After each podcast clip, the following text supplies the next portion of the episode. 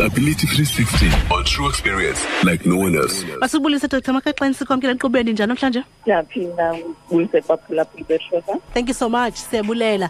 This morning we are talking can a person living with disability be sexually active? Yes. Can they? Yes, they absolutely can. Uh, because umuntu one-disability naye has got the same feelings, desires, njengam nawe. So the akukho nto ethi kuba ene-disability yena akazifilishi ngathi is a sexual being. Mm. Mm. Yes. Okay, bendizawuthi ba uh, ukhona umbuzo apha othi into yoba if mhlambi i-disability yabo i-affecta imilenze lena is that possible Um, if affect imilenze, it is still possible because kuxhomekeka into yobana im-affecta to what extent okay or to what degree.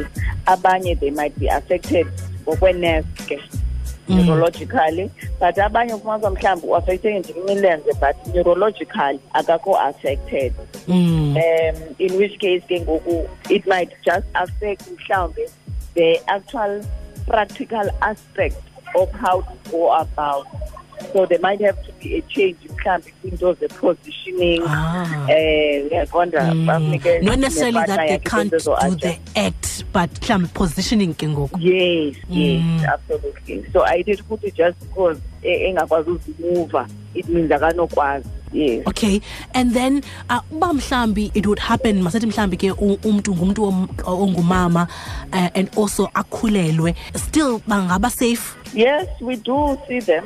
Um njengabantu komama bekhulelwe mhlawumbi ufumanisa uba imilenze le ayisebenzi uhamba nge-wheelchair amaxesha amaninzi they are able to carry i-pregnancy kungadanga kube khona ingxaki zininzi mm. um obviously it might create a little bit of a challenge in terms of ukumuva kwakhe as uba i-pregnancy ehambela Mm. um sometimes ke depending on ubana ingxaki indawuni apha emzimbeni wakhe they might have to be- kube khona ii-considerations ezithile in terms of indlela aza kubeleka ngayo okay okay yes and nendlela ke ngoku azawuthi care for umntana ngoku umntana selusana so usually amaxesha amaninzi they will need extra help to able to do that Mm. otherwise Yes. ngenxa ye-disability yabo loo nto ayithi uba they can't be sexually No, active it- okay no not at all.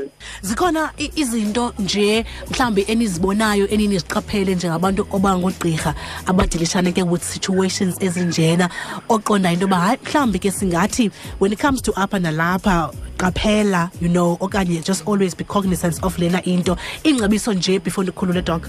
Um, I think into ebalulekileyo laa nto yokungaba-sideline abantu who have got a physical disability or rehabilitation in any way. Um kwi-understand into yobana ii-thought zabo nee-perceptions zabo to- towards sexuality ziyafana nathi. And if uyipartner yomntu one-disability kuyi-understand into yobana mhlawumbi to a certain extent they might have some anxieties or they might lose the confidence especially if i-disability iye yafika ekubeni umntu bekade e-well able. Mm. mhlawumbi wasengozini or zonke ezaa zinto.